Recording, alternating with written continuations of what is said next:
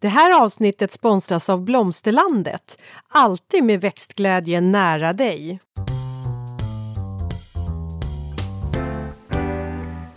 Välkommen till Ulrika och Lindas trädgårdspodd och det är jag som är Linda Kjellén, trädgårdsmästare.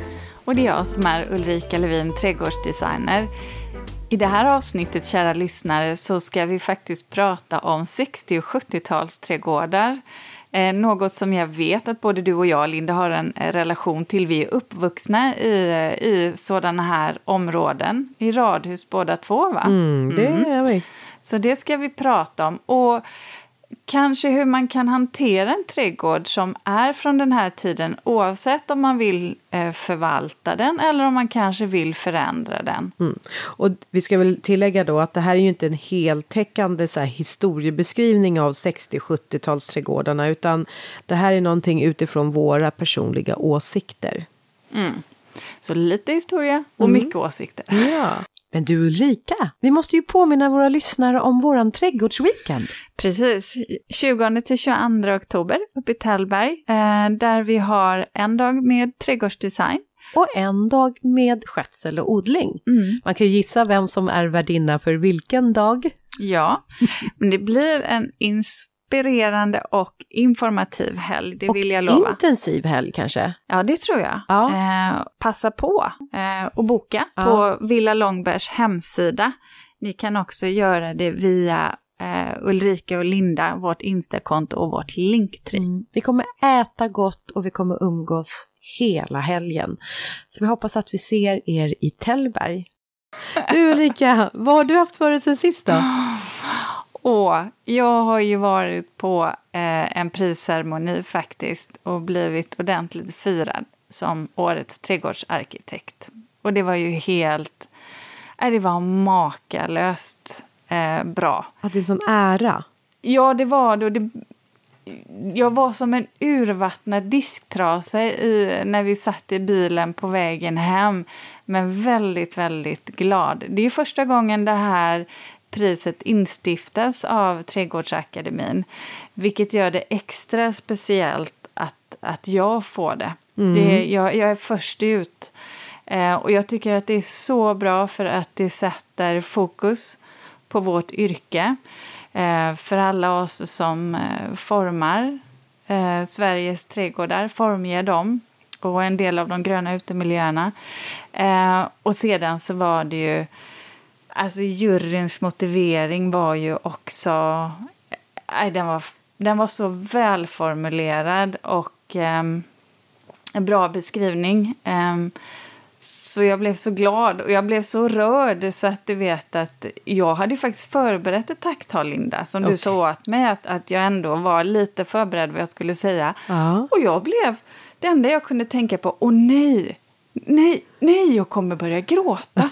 Åh, nej, nu börjar jag gråta. Och, och bara kände att du vet, man får bita sig lite i läppen och samtidigt så är man så himla glad och då kommer alla känslor.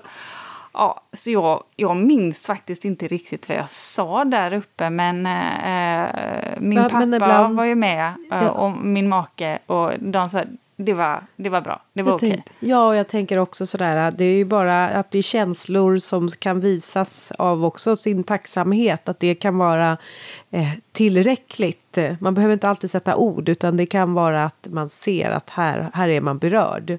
Mm, ja, och så det, jag såg nog väldigt glad ut eh, och, och det var jag Ja, också. tror Så jag det. Var, det. Ja. Det var en fin, eh, fin, fin dag, Ja. måste jag säga. Ja. Mm. Jag, tänker, jag tror inte att det finns några sådana priser att dela ut för årets trädgårdsmästare.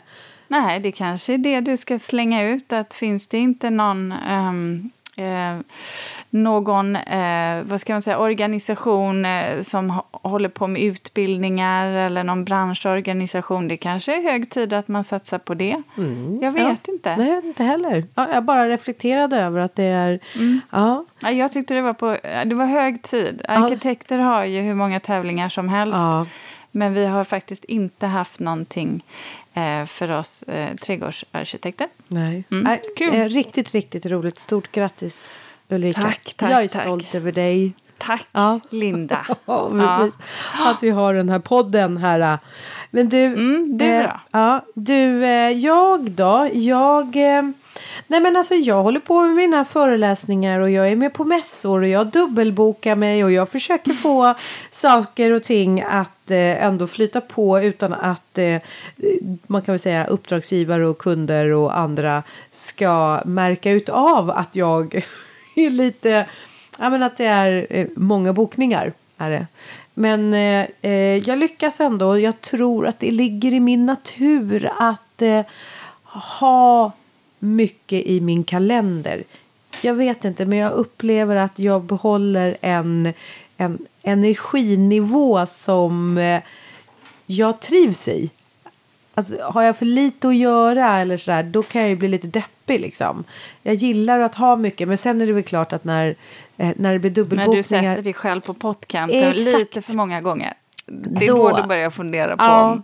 men sen, och det ska man väl i ärlighetens namn säga också att det är en viss skillnad hur jag, alltså arbetssituationen utifrån att jag nu driver kan man nog säga en gård Ja. till skillnad mot när jag liksom, inom citationstecken bara bodde eh, i ett hus. Nu är det ju någonting helt annat och det, jag har ju ganska många djur på den här gården som jag också är ansvarig över så det, det är inte mina lediga tider som jag haft tidigare de är nästan till obefintliga för att då måste jag ut och ta hand om allt här på gården.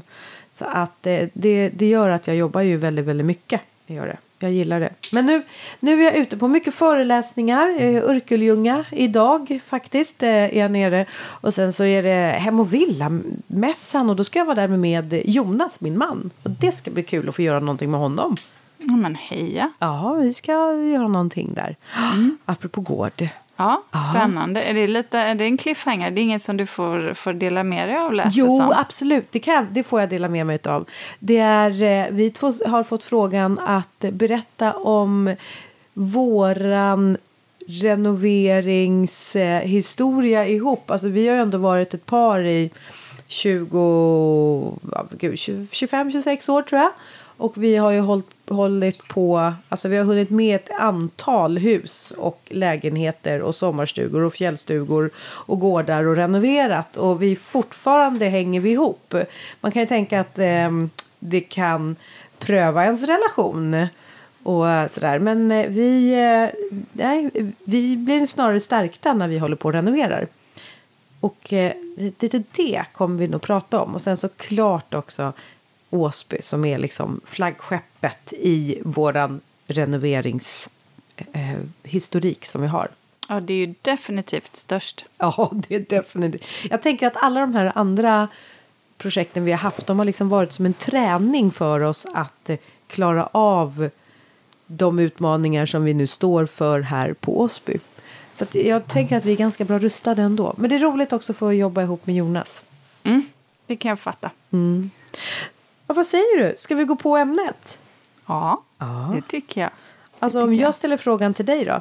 Vad, vad har du för relation till 60-70-talsträdgården och kanske speciellt då 70-talsträdgården? Vad, är liksom, vad, vad dyker upp hos dig sådär spontant? Mm, jag är ju uppvuxen um, i Borås. Uh, jag flyttade ju dit när jag var fyra, skulle fylla fem. I ett riktigt sånt där radhusområde i Kristineberg, eller på Kristineberg som man säger i Borås. Uh, och uh, ett litet radhus. ehm, och ja, typiskt 70-tal där. Eh, och det enda jag minns, eller jag minns och så mycket egentligen av de här 70-talsreglerna, det är att jag tycker de var så jädra tråkiga. Eh, mycket barr, mycket sånt som hade vuxit sig lite för stort. Eh, det var ju sällan insynsskydd så som man skulle vilja ha idag, förutom vid uteplatsen. Alla såg ju rakt in. Eh, ganska lite blommor, mycket grönt. Eh, och ja, jag vet inte, jag... Jag kan väl ärligen säga att en del av den här aversionen som jag har mot till exempel Ölandstok, mm. Berberis, eh, Rosenspirea, Björkspirea det härstammar från min barndom helt enkelt. Um, sen finns det saker som jag tyckte om i 70-talsträdgårdarna. De här öppna gräsmattorna, öppna vyerna. Um, det kan jag tycka är en designprincip som är ganska trevlig när man har buskarna eh, ut med kanterna. Det gillar jag. Um, däremot så föredrar jag oftast trädgårdar som är lite mer spännande och insynsskyddade. Uh, men ja. Men om jag säger så här då. Hade du koll på andra typer av trädgårdar när du växte upp i det här nu 70-tals radhusområde att det fanns annat? Eller, mm. för, för det kan jag nog säga jag själv hade inte sån koll på det förutom hos min farmor och farfar men det var ju liksom ute på landet. Det var ju inte en trädgård på det sättet utan det var ju liksom landstället där. Men hade du koll på att det fanns andra typer ja, av trädgårdar? men det hade jag ju för att eh, min mormor Eh, hon hade ju trädgård. Hon bodde ju i ett gammalt, eh, en gammal trä, i ett gammalt trähus eh, från 1700-talet. Eh, och hon hade ju en liten trädgård intill ah. den. Och då var det ju grusgångar, det var Mormorsväxter, löjtnantshjärta, rosor. Det var mycket så här svensk eh, idyll, alltså romantik. Så här, vitt eh, vita knutar, falurött. Jag pelargoner. Jag älskade ju den typen av miljö. Eh, hade mycket svårare för de här eh, mörka, tunga barrväxterna. Så att jag kan ju inte säga, jag var ju inte trädgårdsintresserad så. Eh, utan det var mer känslan som de här miljöerna väckte i mig. Eh, jag tyckte inte om det här jag gillade aldrig att gå i en djup granskog heller för den delen. Jag gillade mer blandskog eller lövskog. Jag vet inte. Jag tyckte... Jag, tänkte, jag läste mycket sagor, Linda, när jag var liten. Och jag avskydde häxor och sånt här. Och var bodde häxorna och trollen, Linda? De bodde i de här mörka granskogarna. Så allt som påminde mig om det. Mm. Eh, Dunkelt och ja, mörkt. Jag tyckte inte om det. Jag tyckte om det här ljuset, jag tyckte om de här skira blommorna. Eh, så nej, sen hade jag, ska jag ärligen säga, jag hade ju föräldrar som var trädgårdsintresserade och som ändå gillade det här med blommor och odling. Så att de eh, vi hade ju en av de finaste trädgårdarna ändå i området för den var ompysslad. Så vi hade en del gamla såna här mormorsväxter och kaprifol. Som de hade planterat in då? Ja, mm. faktiskt. Mm. Men du då Linda, vad, alltså, vad tyckte du? Nej, hade, men... ni någon, hade ni så här riktig 70-talsträdgård? Ja, men alltså det är kanske inte riktig 70-talsträdgård för min mamma har ju alltid Alltså hon har alltid velat och liksom bo så här kanske som din var det mormor? Mm. Ja, som din mormor. Så att min mamma har ju alltid försökt att göra om de här husen som hon har bott i som inte har varit de här torphusen. Jag menar, jag vet att i vårat då radhus där satte ju hon upp så här fejkspröjs på insidan bara för att vi skulle ha spröjs. Och, ah. och hon eh, eh, kanske lät trädgården bli lite mer yvig och friväxande. Bara för att eh, ja, men det var väl, alltså jag tror lite mer det här bondromantiken låg där. Alltså att vi, men däremot så jag ju uppvuxen i ett radhusområde och jag var ju hemma hos alla mina kompisar och i deras trädgårdar. Och våra grannar. Och jag liksom bara så här summerat så här, några element, alltså saker som är så otroligt kopplade till barndomen på Segeltorpsvägen ja. där jag växte upp får i Huddinge. Får vi höra? Ja, men okej, okay, vi säger höra. så här. Slipers. Väldigt vanligt. Det kommer ut till många uppdrag, gamla mm. 60-70-talsträdgårdar. Yep. Det kom starkt då. Ja, ja. norsk spirea. Ja. ja. Allmänningen. så här, man hade en allmän, vi, vi, vi ses på allmänningen. Ja. Fast man var så här, man var typ åtta år och ändå pratade man om allmänningen. Ja. så för att det var bara ett begrepp att det var. Och, och, Det var ju en ganska trevlig del. Att det var som att ungar kunde bara välla ut ur husen och så fanns det specifika mötesplatser. Det håller jag med om. eh, silverarv. Ja, herrarna då. Ja, hammock. Ja, ja det, var, det fanns i och för sig. Ja, eh, Men det tyckte jag hörde mer till landet till, men det var ju ändå vanligt 60-70-tal. Den hängde fortfarande kvar, ja, även om hängde Berså kvar. försvann. Ja, precis, det hängde kvar. Eh, plank. Ja, definitivt. Speciellt Definitivt. uteplatserna. Uteplatserna, ja. Ja. Ölandstok har jag här också. Ja. Ja. Betongplattor så här, med ingjutet grus i. ja. Altandörrar. Mm. Grässläntar. Ja. Eller grässlänter kanske Grässlänter, heter. ja. Och sådana här planteringslådor i trä på ben. Ja. Ja, exakt. ja, just det. Brun, ofta brunlaserade. Ja. Och de här mastodonttunga trämöblerna, Trämöblerna, ja. i furu som målades vita eller bruna. Ja, Brunlaserade hade vi med så här lite blå, blåa dyner med Ja, så här randigt på. Nej men gud, vet du vad? Jag har min mammas blåa dynor med lite randigt på här, på, här uppe i huset i Åsby. För vi fraktade en stor spegel på släpet och hon bara, här, ta de här dynorna. Men gud, har du dynorna kvar sen Segeltorpsvägen? Alltså vi pratar om, och jag kan inte säga, men det är i alla fall 40 år sedan. Men du ska titta på dem, det är säkert de dynorna. Och vet du vad jag kom på nu när du, jag sa det själv? som vi hade vid vår uteplats på framsidan.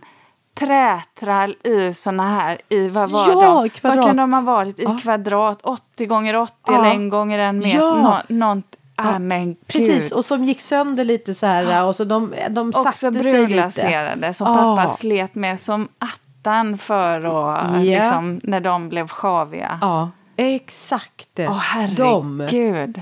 Ja. Ja. Och sen så om vi nu ska in med något mera buske, krypoxbär. Ja. Ja. Det är ganska stela liksom, lite så här, eller stel, det är ju ett ganska stelt liksom. Ja. Ja, men ganska... Ja, jag, jag tycker de växterna är så erbarmligt tråkiga. Ja. Faktiskt. Ja. Krypåksbär är ju faktiskt en av de tråkigaste växterna som finns. Fyller den sin funktion då? Ja, men en det finns andra växt? grejer som gör. Eh, den kan ju, jag tycker krypåksbär kan ju faktiskt nästan ta över. Ja. Den kan ta över allt. Ja. Å andra sidan så växer den ju på ställen som, som andra växter då inte kan Nej, eh, alltså som ett kargt, eh, vindpinad... eh, Silverarven ska jag bara säga, om man nu vill förvalta eh, och kanske då inte förändra. Eh, silverarv är ju en sån växt som går bort, Ja. helt enkelt. För den är ju lite för... invasiv. Mm. Så den, den kan man liksom stryka ett streck över, tycker Ja. jag direkt. Ja, nu ligger Ester och snarkar. Jag vet Ja. inte om det hörs. Det, det tror jag inte. Nej, hunden Ester alltså. Ja. Ehm, men du, hur, eh, jag, alltså, jag tänker också på så här. Jag vet att ehm, det är lite så låter det som för dig. Att eh, 70-talsträdgårdarna hade kunnat paja ditt intresse för trädgård. Eller? Fast nu valde du snarare Ja, att... det nej, men- väckte ju det inte i alla fall. Nej. Det, det kan jag inte påstå att de gjorde. Sen kan jag faktiskt komma ut till kunder idag som har 60-70-talsträdgårdar och ändå se vissa arkitektoniska knep och eh, principer som man ändå använt sig av och tycker att de är ganska bra. Det är lite så här det är ju lite beroende på hur husen är byggda. För just det här 60-70-tal, då kom ju det här...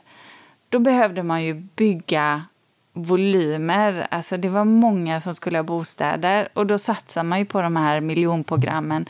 Och då kan man ju tro att det nästan bara var lägenheter. För det är ofta det man förknippar med det. Men, ja, men ja, nästan en tredjedel tror jag var faktiskt då Ja, men radhus. Mm. Eller och små villor. villor. Ja. Men sen måste jag säga att eh, om det var det i början där, 65, så hände det ju någonting eh, mot mera början av 70-talet. Därför att det Man hade väl liksom någonstans insett att alla, alla trivs ju inte att bo i lägenheter. Utan vi behöver ju också göra någonting för de som faktiskt vill bo på markplan och ha en, en trädgård, en täppa. Och det var väl då man liksom satte igång och bygga de här jättestora villaområdena. Och, och så blev det eh, också någonting som... Eh, ah, alltså det blev, jag ska inte säga, jo till viss del så blev det väl färre lägenheter och ännu flera eh, villor och radhus som byggdes. Mm.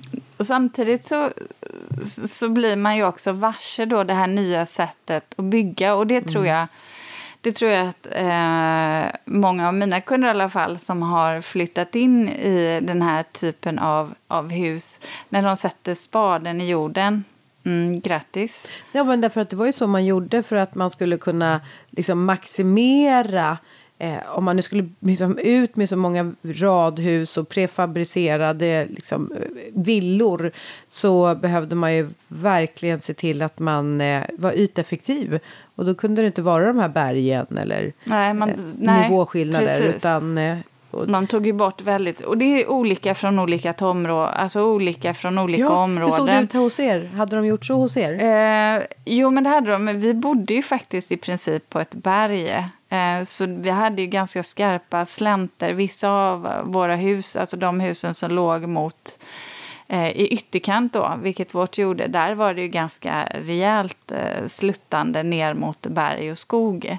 Men annars själva området var ju verkligen helt plant. När byggdes eh, era då? Det började i slutet på 60-talet och en bit in på 70-talet då. Ja. 72 byggde de vårat, tror jag det var. Och då, men där byggde man inte, där sprängde man inte liksom och gjorde det plant utan det här var, området var byggt liksom som eh, Ja, men också som i en sluttning där eh, det var väldigt kraftiga lutningar på, på vägarna som gick upp och ner och sådär. Så att det var, och vi hade en, en stor eh, allmänning då, grönyta framför husen som ledde upp till en skog. Så att det var ju inte alls. Sen vet jag att de byggde lite senare kanske sådär närmare 80-talet tror jag. Men då sprängde de och liksom gjorde eh, helt så här, supereffektivt byggde man då. Mm. Och det där är ju det är ju lite hopplöst ibland och det ska man ju vara medveten om att eh, det kan vara väldigt dåligt med, med eh, bra matjord. Men visst, det var ju ehm. vissa områden som byggdes på också nerlagda åkrar. Ja, ja, det gjorde de ju. Mm. Grejen var väl det bara att man... Eh, och då försökte man ju återanvända eh, matjorden. Men det kan absolut vara så att man ja, har kross under. Lite så som det tyvärr byggs idag på mm. nya, i nya områden också. Att man inte har lärt sig av historien. Ja, det hål i huvudet. Återigen tycker jag vi borde bygga annorlunda. Mm. Eh, för något, det är jättesvårt att få upp det gröna. Ja, något som jag tycker man gjorde i och för sig som var bra, kanske inte som jag uppskattade då, men som jag nog skulle uppskatta nu, det är ju att man byggde bort trafiken. Så att man valde att inte ha in eh, bilar in i själva de här villaområdena utan att för våran del då låg ju garagen de låg ju då bakom, eh, liksom på, eller på egentligen det första man åkte in på när man svängde in hos oss. Då åkte man in till garagen. Och sen så därifrån så fick man ju packa ur bilen och parkera och så fick man ju gå runt med matkassar. Och det var verkligen så här körde någon in med bil på området. Det var bara vid några, men det är någon äldre släkting som har svårt att gå eller vi ska packa för vi ska åka till landet. Mm. Alltså det var Stor, verkligen. Precis, en längre resa. Ja, ja. Eller storhandlat. Alltså man behövde verkligen ha giltiga skäl för att få åka in med bilen mm. på området. Det kanske är så än idag, men. Eh, men där, där, där är det ju också lite beroende på vilken typ av hus man eh, flyttar in i som är från 60-70-talet. För en del av de här husen byggdes ju också i redan befintliga områden. Alltså de, man styckade av tomter och sen så tryckte man in ett till hus. Och då, då är det ju tvärtom så att då har man ju oftast en parkering. Eh, men då kan ju den vara, då hamnar ju den antingen vid sidan av huset eller precis ja, men lite framför om man då hade garaget där, vilket gör att på sådana hus eh, så har man ju oftast parkering och entrégång sida vid sida. Eh, och då tänker jag kanske mest på de här, du vet, röda tegelhus, så Ja. många tegelhus. Ehm, också en del av det vita mexiteglet kom ju in där. Ehm, så att, ja, det beror ju på. Men det var ju vanligt. Och asfalt var ju någonting. Alltså det här, på de ställena. Jag tycker ju inte att asfalt hör hemma i en trädgård. Eh, I en privat trädgård. Ehm, det är ju i undantagsfall, verkligen. Eh, där det är svårt att hitta någonting eh, annat. Eh, så det är väl något som jag om den är dålig och man funderar på att ersätta den så brukar jag sällan föreslå asfalt utan då försöker jag eh, föreslå alternativ. Även om man då frångår eh, 70-tals och 60-70-tals idealet. Man kan ju alltid välja där. Ja. Och det är ju ändå gjort av, av, av olja, ska man ju vara medveten om. Så att, Och, och de här eh, också altanerna av tryckimpregnerat virke, det började ju också dyka upp då. Och där är väl, vad, vad tycker du om det? Ska, skulle du använda det annat material än tryckat?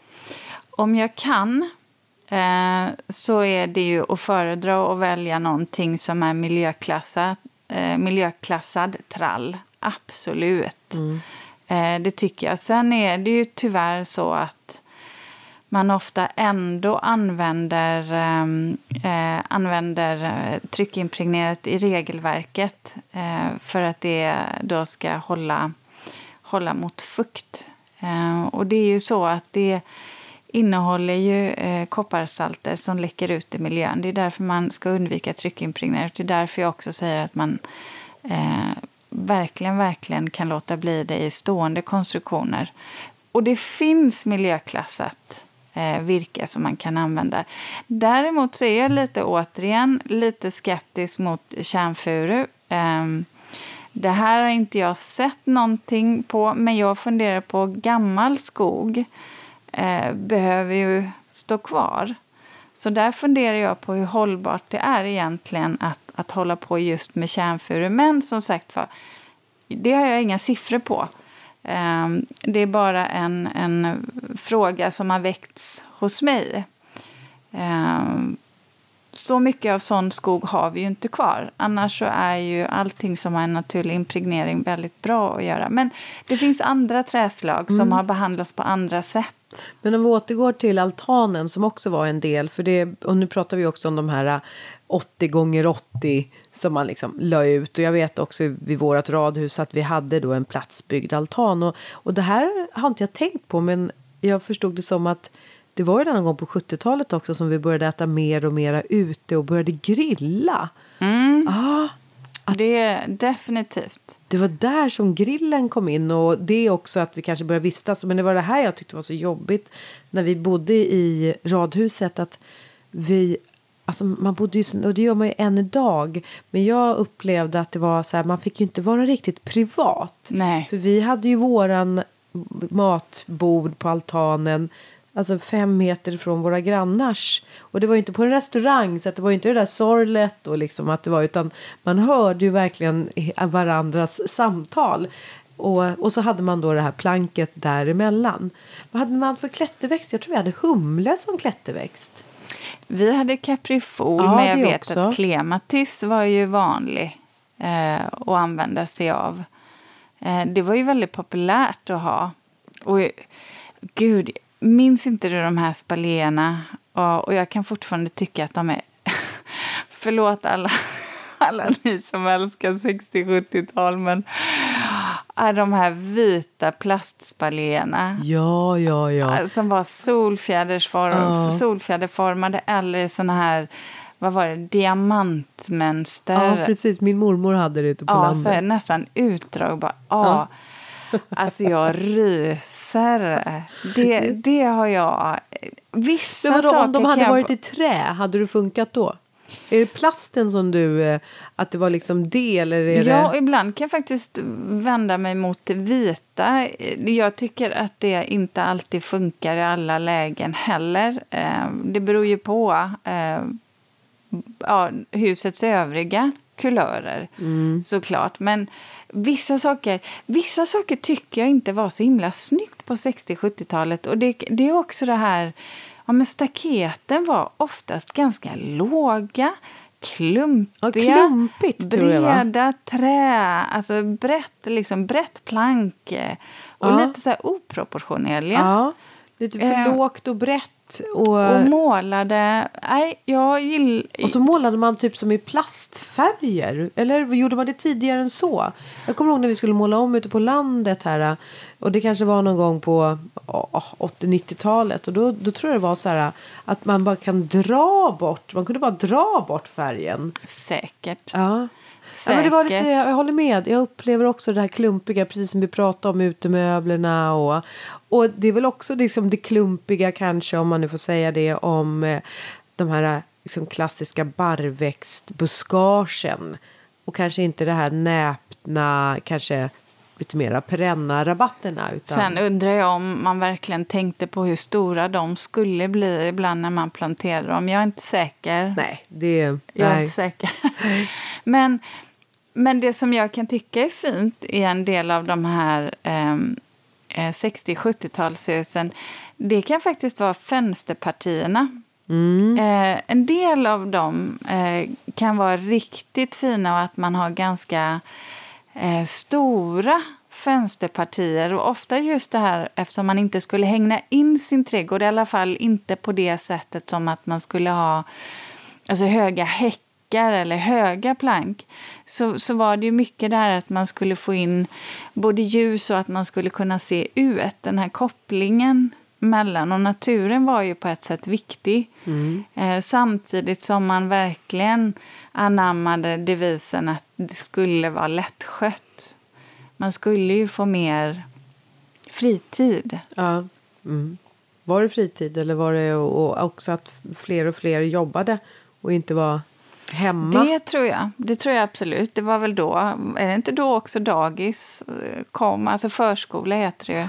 Jag vet att jag började på dagis någon gång 80 83 kanske jag började på dagis tror jag. Va? Då var du ju jättegammal. Var Nej. jag? Du kan ju inte börja på dagis 83 när du är född 75. Var Nej. du åtta år när du började på förskola?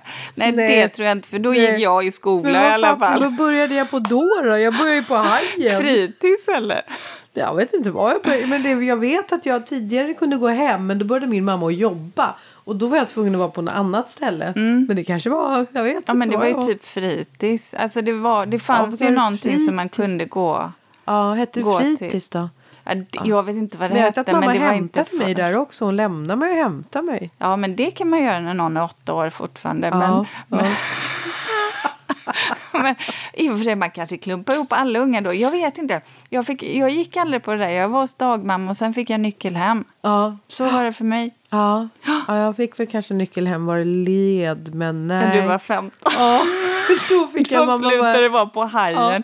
Grejen är att jag känner igen det där hajen. Ja, det gör du va? Det är lite konstigt. Ja, hur många jag- hajen finns det Ja, i för jag, Sverige? jag ändå undrar om det var något sånt namn som cirkulerade på det här stället.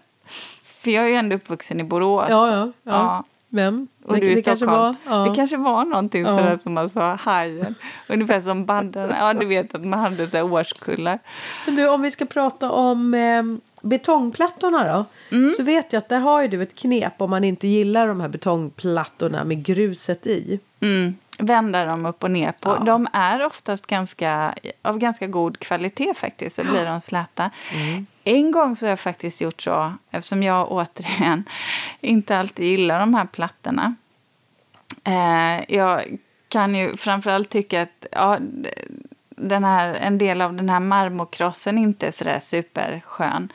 Men en gång så gjorde jag faktiskt det eh, hos en kund eh, som både hade mörka och ljusa plattor i sånt här. Då la jag faktiskt ett schackmönster, så vi behöll dem. Just det.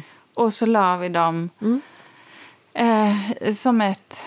Ja, Och då vi tillbaka till... schackrutor. Ja, och det- var faktiskt ganska, det blev ganska effektfullt. Ja. Och, och, um, det var en lite mindre uteplats och vi adderade ganska mycket grönska till det. Bara grönt och lite du vet, effektfullt med lite vita växter och sen liksom lite mörka tulpaner när det var säsong. Det var...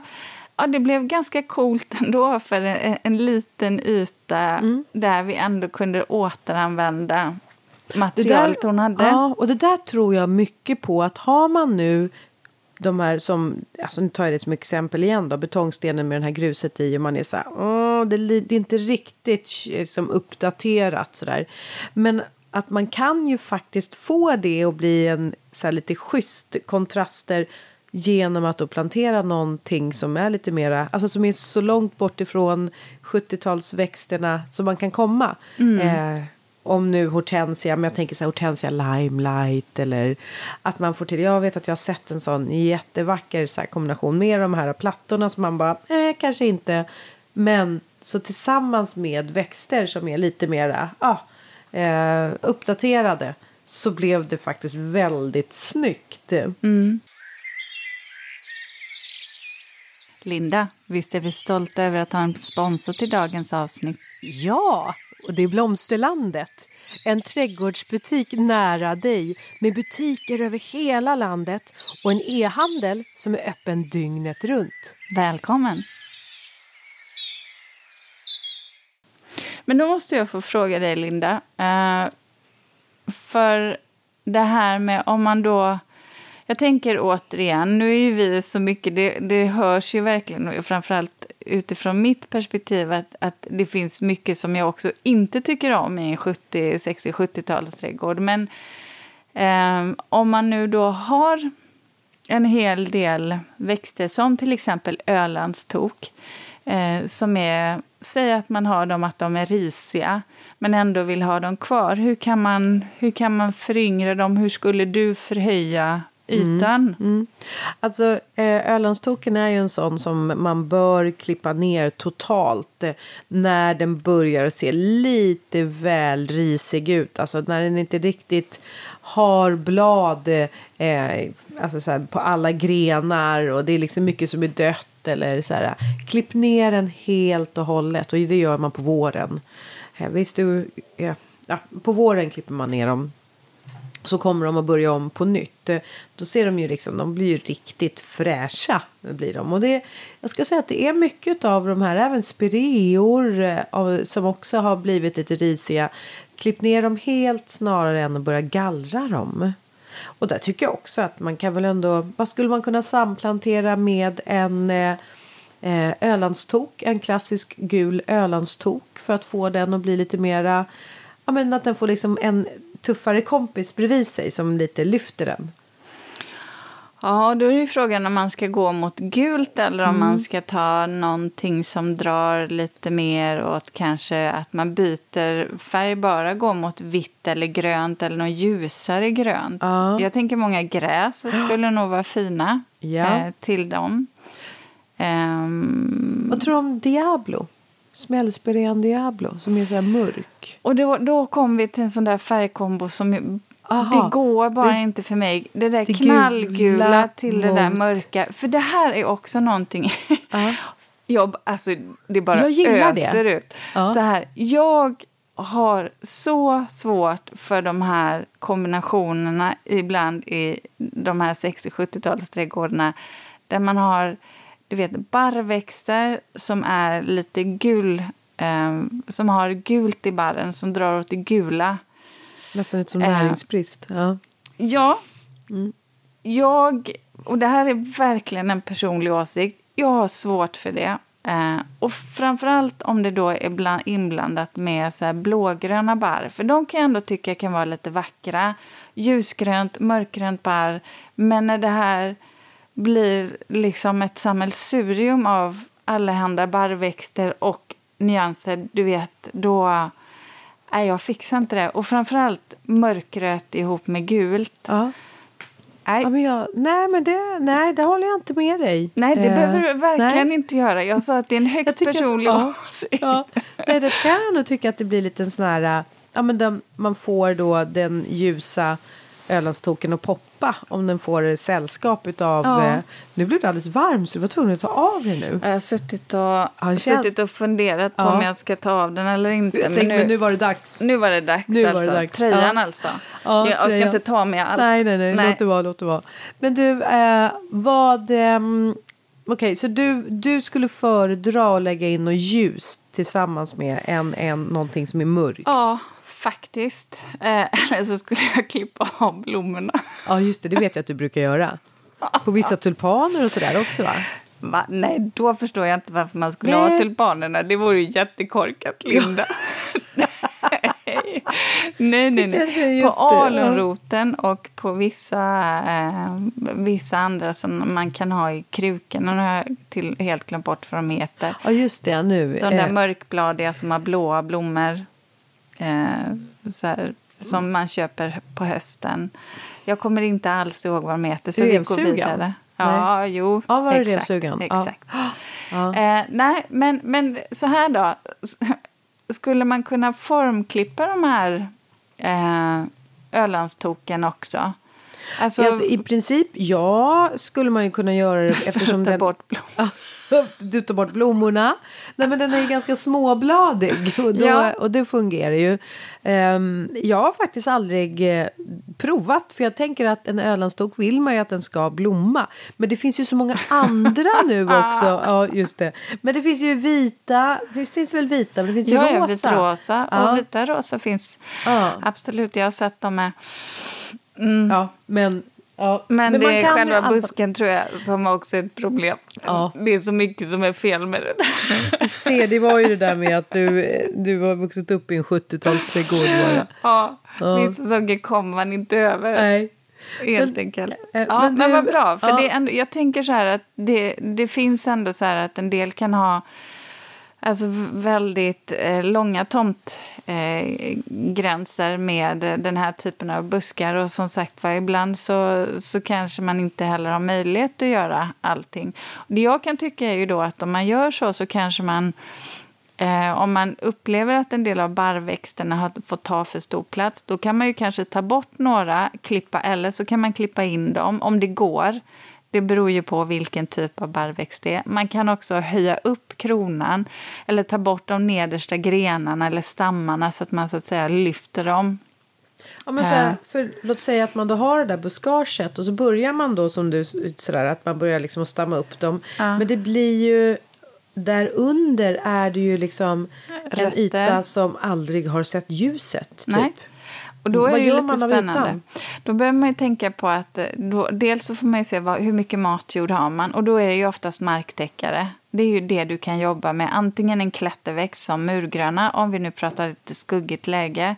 Ehm, något vin, det kan vara klätterhortensia eller så här hasselört, sockerblomma, någonting som kan tä- täcka in ytan. Något blommande, då kan det vara en näva, eh, silvernävan till exempel. Eh, nej, inte silvernäva. Eh, vad heter den? Ja, Geranium nodosum silverwood.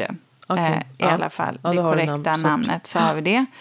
Eh, så att det får man ju titta lite på. Hakonegräs kan ju också vara helt fantastiskt men gillar ju egentligen inte när det blir för torrt. Ehm, det som är snyggt är om man tar bort lite, det är ju att vill man då få in perenner så kan man ju få in det på de här ytorna om man tar bort någon buskrad eller någonting. För annars så är ju 70-tal, det är mycket buskar. Så är det. Man hade i princip nästan inga perenner förutom de här marktäckarna. Ja, lite hade det ju, men, men annars så är det ju buskar. Eh, det som också är ganska vanligt är ju just det här gröna. Man vill ha ett lugn det. i Ja. sina trädgårdar. Det skulle ju inte störa. Sen kan man ju tycka att det kanske blir för mycket ibland. Men Det skulle inte vara plottrigt utan man samlar ihop det. precis, precis. Och det kan man ju ändå se. Och det är väl det som ibland jag kan tycka är en av de eh, sakerna som är vackra när man kommer till en 60-70-talsträdgård. Mm. Att man har det här och att man har en stomme och en struktur. Sen kan det ibland ha blivit lite tråkigt. Och då kanske man, precis som du säger, får säga välkommen till 2020-talet någonstans. Eh, och, och följa med i tiden. Så att det går absolut att göra. Träd kan man ju plocka in. Definitivt. Det är ändå ganska vanligt att man hade mindre träd i den här typen av trädgårdar. Och Jag undrar om inte vi hade våra grannar. Vad hade de? Mindre träd. Det var någon sån här hängkaragan eller något sånt. där. Jaha, okej. Och jag tror att Och den fick var- jag kommer ihåg att jag var så fascinerad för varje år så var den liksom invaderad av myror som kröp på så här stammen kommer jag ihåg. För jag satt ofta och väntade utanför på Sleepersen eh, när min kompis så här, höll på och snodde på sig sina gympadojor. Och då vet jag satt man där och satt man och tittade på de där myrorna som liksom ja, Klättra upp. klättrade upp. Ja. Ja, nej, men fruktträd finns ju. Det Ja. vet jag kommer jag ut till en del kunder. kunder. Vad är det? Eh, haggtorn. Ja. Vad hade man inte det också? Eh, det tycker jag att jag har sett på en hel del Mm. ställen. Ehm, Så amerikansk. lönnar är ju faktiskt inte helt ovanligt. Eh, japanska lönnar, De det ju- finns ju. Ja, de finns ju. Och- Men de tycker jag också är ju ändå känns liksom om man nu kan säga på ett sätt lite modernare och lite mer Ja, ja. uppdaterade. De, de har ju verkligen, Mm. verkligen funkat. Eh, och det har jag sett de mest fantastiska lönnar faktiskt i de här husen byggda på de här, den här tiden som är helt... Det tycker jag också passar in i stilen. Ja. Eh, snarare än kanske då en, eh, alltså, eh, liksom rom, en- en jasmin till exempel som liksom doftar. Utan då den där typen av lite mera ja, men, eh, buske eller växtslag som har någon form av, ja men kanske inte det där eh, romantiskt låter så trist att säga, men vad, hur ska man uttrycka det? Att det inte är så, ehm, ja men de, de är ju mera, help me. Ja, men det är inte så out here. blommigt helt enkelt. Nej, kanske är det då, att det inte är så blommigt. Men ändå att de har ett skönhetsvärde därför att de har en vackert bladverk. Mm, de är lite mer stilistiska kanske än vad, eh, än vad en jasmin är. Och, Eh, och det kan ju vara ett allmänt råd då till er som lyssnar att eh, försöka hitta dem om man vill liksom matcha upp sina, eh, sina 70, 60, 70-tals eh, planteringar med någonting. Välj sådant som kanske inte har så mycket blomning men som har ändå en karaktär. Sen vill jag alltid slå ett slag för att komma ihåg att blommor också är mat för pollinatörer. Så att eh, Så är det ju. eh, vi inte bara gör de här liksom, gröna öknarna. Nej, och sen så är det väl alltid sådär, eh, jag resonerar också som så att det beror ju lite på vad man, eh, hur man behåller, vad man behåller för karaktär på huset. En del av de här, alltså eh, husen, tegelhusen är ju så snygga så man bara är liksom to die for. Ehm, det är, ja, jag har kommit in i så fina hus eh, med detaljer som man bara, åh, är helt ljuvligt att se. Eh, sen finns det ju de husen som verkligen bara har blivit byggda utan någon känsla alls. Eh, och vare sig för inne, innemiljön så att säga, men även för, för miljön på utsidan där man överhuvudtaget kanske inte har anpassat Ja, men du vet, perspektiv, vad har man för utsikt, vad är det för väderstreck, var kan man sitta? Eh, då är det ju inte, en sån trädgård är inte lika enkelt och då kanske man också förändrar huset så mycket så att man går bort en del från eh, det original, eh, alltså så 60-70-talshuset då. Det Ja. kan man inte alltid göra i eh, självklart sådana här radhus och kedjehusområden. Det, då pratar jag ju mer fristående villor men eh, det är ju en hel del som också bygger om dem, tar bort det och då, Ehm, då kan man också förändra sin trädgård. Det tycker jag man kan göra ändå i en 60-70-talsträdgård. Det beror väl på hur mycket man vill ehm, eh, hur mycket som ska vara eh, så autentiskt som möjligt och hur mycket man känner att man vill sätta sin egen prägel. Jag håller med dig där, Linda. Jag tycker också att vi måste gå med tiden. Vi står inför andra utmaningar än vad man gjorde på den tiden. Vi lever också lite annorlunda och det, eh, det, det tycker jag att man måste så att säga ta hänsyn till. Mm. Ja, men, det, men det är sant som du säger att det ska ändå, man ska ju ändå skapa en trädgård som och kanske också stil på sitt hus som man själv eh, ja, men, känner att man, man, alltså man ska inte vara slav under eh, en stil utan eh, och, och att det ska liksom kopplas till då en till, så här, tidsepok utan någonstans är man ju själv såklart får man ju välja hur man vill ha det. Men jag kan ju säga att det krockade lite med som min mamma som bara alltid längtade efter att bo i torpet och alltid har fått liksom sätta upp sina spröjs och alltså det blir lite så här, mm, man kanske skulle då ta tag i den där längtan och förverkliga den och det gjorde mamma så hon har numera ett litet torp från Ja. ja, vad är det, Men hur gjorde 1800-talet. din mamma med färgerna då? För jag Mm. tänker, hon är ju också konstnär precis som du. Kunde hon så att säga hålla sig till det här gröna eller hade ni, var det en blommig trädgård hos er Linda? Eller var det snarare spröjs och alltså var det arkitektoniskt som din mamma drömde om torp? Ja, det var det skulle jag Torpet. säga. Mm. Ja, det var det. Men visst, vi hade ju så här flocks och... ehm, alltså ja, för det var ändå, det fanns ju ändå på, på Ja. listan. Karpaterklocka Ja, var ju ja. ganska vanligt. Stenparti. Ja, Stenparti har ju en stenparti, del. Nej, men jag tror Där att silverar, mamma... där bara silverar. Ja, ja eh, nej, men jag tror mamma hon... Eh, när, alltså, hon hade inte så stort intresse för trädgård utan hon var nog mera intresserad av så här, inredningsbiten. Men det fanns ju inte så mycket att hämta inspiration ifrån så att hon fick gå så himla långt tillbaks i tiden för att hitta inspiration och då var hon ju på så här, Carl Larsson. Hon var jätteinspirerad av Karin Larsson Oj, med, eh, ja. ja. liksom med det är en lamp helt annan epok. jag vet. Eh, med så här lampskärmar och brody, brody, vet du, brodyrer. Eh, och hon... Eh, så att det var väl liksom där någonstans. Jag vet att vi så här med pelargonerna i fönstret och mycket så här asparragus. Eh, eh, ja, gröna eh, krukväxter sådär. Att hon var... Eh, ja, men jag tror att ute i miljön så var det så här. Den här lilla är också en typisk sån här liksom radhusträdgård. Man har några kvadratmeter på framsidan så man kan typ ta tre steg innan man kommer fram till trappan.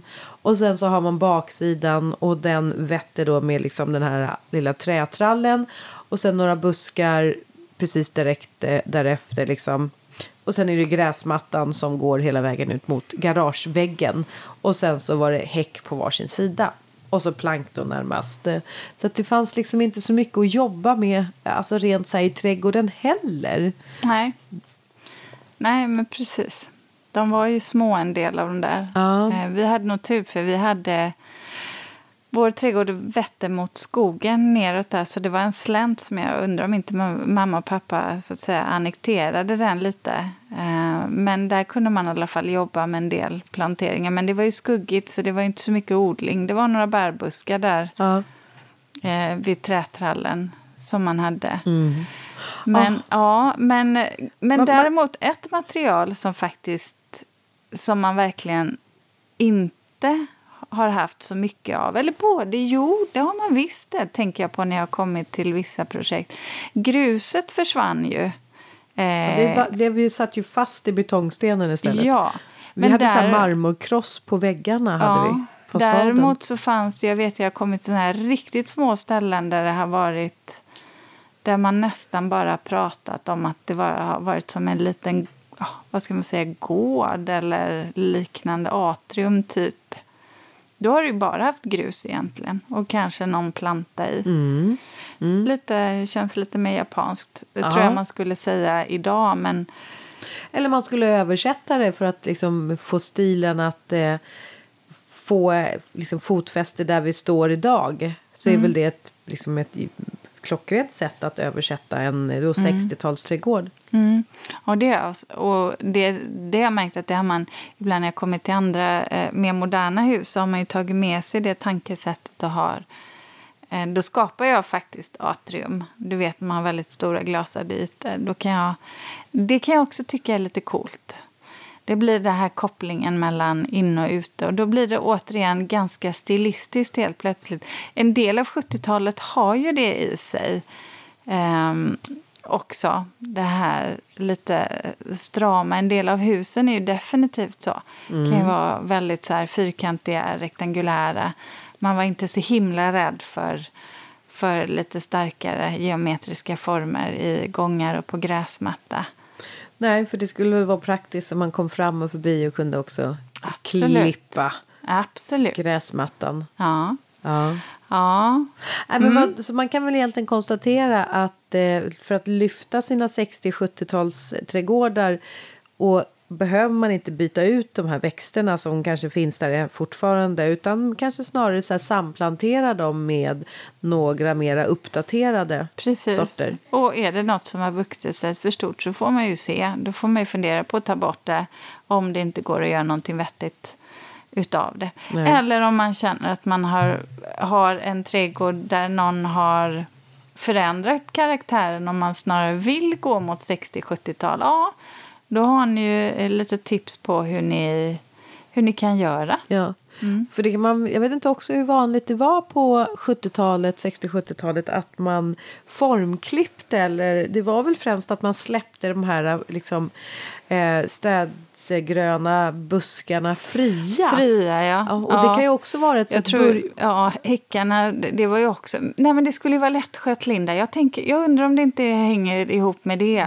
Det är Men därför du ser de här förvuxna idegröna. För Ja. häckarna skulle ju också vara friväxande helst. Så bara där då är det så att det inte går att eh, besk- alltså beskära för att man har då växtslag som Mm. inte eh, liksom bildar nya skott på gammal ved. Ja men då, då kanske man om man plockar bort planterar in en, någon ny likadan men börjar formklippa den då. Ja. Så får man fortfarande Definitivt. Mm. liksom karaktären men man gör något eget Mm. utav det som också är lite mera Sen var det ju så att många av de här husen har ju precis som du sa slänter för man gjorde ju inte så många murar eller möjligen låga murar då för att man ibland behövde i de om- områdena där man bevarade topografin.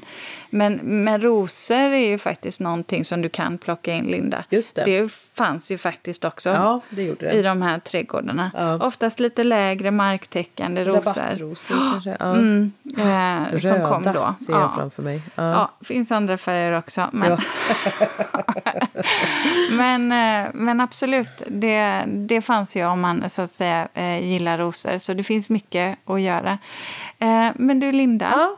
jag tänkte så här att ehm, det blev ju väldigt Ja, det är mycket nostalgi. Gud vad mycket jag tänkt ja. tillbaka på, Ja. på vår trädgård där jag växte upp på Sparfältsgatan. Ja, och jag på. Segeltorpsvägen. De två S'en. Ja, Ja. just det. Ja. Men eh, jag tänkte du ska få börja med veckans veckans reflektion. Ja. Jo, men du Ulrika.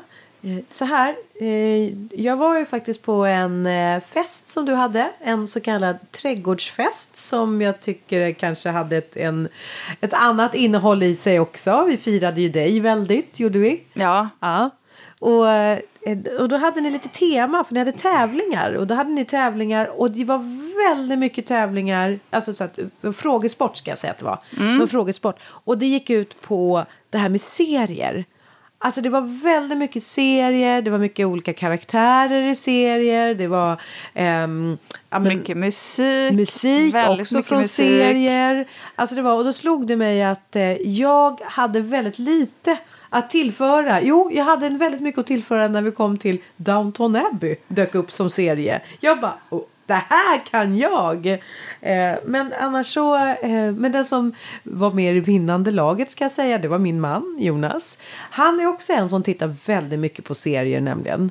Eh, vi tittar inte på annan tv. Alltså sån här vanlig, alltså tablå-tv med sån här ja, men vanlig underhållsprogram. Nej, det jag, jo, gör inte vi. Nej, men det gör jag. Jag tittar alltid på ett speciellt eh, morgonprogram. Ja. gör jag jämt. Okej, okej. Ja, förlåt. Fortsätta. Men, Ja. eh, nej, men så här då. Så, ehm, eh, så jag har känt mig lite så här, fasiken, det låter ju ändå så lite, ja, men lite så här skönt att bara sätta sig i soffan och så bara nu kör vi en serie. Vi tar avsnitt på avsnitt på avsnitt så här. Men jag har inte tid, eller jag, jag är för rastlös liksom för det. Men så slog det mig häromdagen att jag tittar också på serier. Fast jag gör mina egna serier. Så här, jag har nu har nämligen en ny säsong utav mitt favoritprogram som handlar om att eh, renovera gamla hus samtidigt som man berättar om husens historia. Eh, satt igång och eh, då sätter jag mig i soffan eller jag kryper upp i sängen och bara nu ska jag titta på det här. Och sen är det bara det att efter ungefär 10 minuter, en kvart, då sover jag. Och så vaknar jag till och bara, ja, jag ska försöka. Men det är helt omöjligt, jag sover. Så då, då får jag ju stänga av. Men då har jag sparat så att nästa dag, då kan jag fortsätta titta. 10 minuter, en kvart. Och så där håller jag på. Så att ett program blir liksom som en serie för mig. Så jag tittar ju på serier fast mina serier är egentligen ett avsnitt som jag gör till fyra avsnitt. Det är så 10 minuter, en kvart. Det är ungefär vad, vad, du klarar av där. Ja, jag ja. fattar. Jo, men det är väl också en typ av serie. Alltså, det, det är bara en annan typ av program. Ja. Sen vet jag också så här, det vet jag också att det är en del av er lyssnare som tycker att det är lite så skönt att ha lite sällskap. Så här, när man är lite trött och man så här, och då, då kanske man slumrar till. Men det handlar inte om att man, är att man inte är intresserad utan det handlar också om att man tycker att det är lite behagligt att lyssna på de här rösterna. Det är lite tryggt och lite så här... Ja, man kommer ner i varv. Man kommer ner i varv, ja. Det är ju ja. gött det också. Ja, alltså Linda, jag somnar också. Ja, Men jag det. hör ofta intromusik och sånt där. Och då, jag gillar ju musik. Ja. Eh. det gör, jag också. Ja, Men så att jag, eh, jag vill bara säga det att jag har reflekterat över att jag ser också på serier. Ah, ja, ja. Du kände att du bidrog inte så mycket, Nej, det är det du ville sagt. Men precis till din till frågesporten där. Men jag är ju som sagt, jag och min man vi kompletterar varandra så att vi, han drog hem en vinst, han, en Han var ju med i det vinnande laget. Ja, mm. ja. Jag vet inte var jag hamnar någonstans. Fantastiskt. Ja. ja. Nej. Nej. Nej. men precis. Nej. Det var vissa som excellerade. andra kom ja. lite längre ner. Ja. Men nu står en olivflaska här ändå. Men det var roligt, ni var väldigt koncentrerade måste jag säga. Det, det var en av, den var ju riktigt gedigen. det var den, och snabbt gick det. Som det gör i vår familj. Ja, fort, det går men det var, jag vet inte hur många frågor det var. Det var helt galet fort, många. Fort, fort med kvalitet. Ja, ja, ja. Mm. ja. Men du då? Reflektera du då? Jo, eh, jag har ju varit på den här prisceremonin och det yep. var någon som missade det. Ja, nej, Ulrika, det är ingen som har missat detta. nej, vad skönt. Ja. Vad skönt. Ja. Jag kommer tjata om den ja. typ ett år nu. Det är väl så länge man kan leva med det. Eller leva med det, leva på det kanske. Nej, men så här. Eh, då behövde jag ju ta lite pressbilder självklart eller ha någonting och då är det ju ofta så att ja, men kan du inte ta på någon när du är i en grön miljö? Jo, vi löser det. Eh, jag är inte särskilt fotogenetisk av mig. Eh, men det har hittills i alla fall blivit okej. Okay. Det, det, det är alltid oh, var det bilden någon... du tog med så polotröjan? Ja. ja, det var mm. jättefin. Tack. Ja. Ja. Det är alltid någon som blir alltså, okej okay, ändå. Men grejen är väl det att jag när jag ser de här bilderna så ser jag ju då, i och med att man har åldrats, att ja men gud, jag kan inte riktigt vrida huvudet på det Var sättet. Var det där av polotröjan? Exakt Linda, du slog på huvudet på spiken. Ja. ja, men du vet, jag bara såg så här, men Nej men vänta nu, vad konstigt det ser ut om jag gör så där. Eller det, var, ja. det är saker så som händer när man åldras som helt plötsligt inte gör sig så himla bra på bild längre. Och jag har varit väldigt omedveten om det här. Så att nu har jag fått en, en ny mening, Linda, som jag tar med mig som, som jag tänker på när det gäller det här. Eh, för jag tittade nämligen på en dokumentär Jaha. med Arnold Schwarzenegger. Okay. Eh, och det här är ju ändå en man som har verkligen levt på sin kropp. Så jo. att säga. Det var ju det jo, som gjorde hans karriär i början. Eh, och nu är han ju, jag tror han är 75. Eh, och han pratar ju om det här hur, hur han tränar nu eh, som äldre och det här med att vara bekväm i sin egen kropp, att, ha, att åldras och att träna för att må bra. Jada, jada, jada. Tills han liksom bara tittar, på, tittar in i kameran och säger så här att men ibland så tittar jag bara mig i spegeln och säger What the fuck happened? Ja. och den meningen tänkte jag på när jag tittade på de här fotografierna. Exakt så kände jag. What the fuck? Oh. så, sen kan man inte låta bli att skratta. Men, så den har jag Den tagit har du med, med mig. dig. Mm, Okej, det kanske kommer eka även här när man tittar. Ja. Ja, What the fuck ja. Happened? Nej, snacka vet jag är uppväxten i 70-talsradhuset. Då. Ja, ja så är det. Jag firar ju 20-årsjubileum idag, sa jag det också? Ja, Eh, Inte idag, idag i år. Mm. I år. Ja, Nej, gör du det? Som designer. Ja, vet, och jag firar tio år som eh, egen eh, företagande trädgårdsmästare. Det tycker jag vi ska fira på något sätt. På något sätt är det ju ändå faktiskt jämnt och bra. Ja, Ja, det är det det kan verkligen. jag räkna till. Ja. Ja. Hörni, Ja. eh, tack för att ni har lyssnat idag. Vi hörs igen om en vecka. Ja. Ha det bra. Ja. Hej då!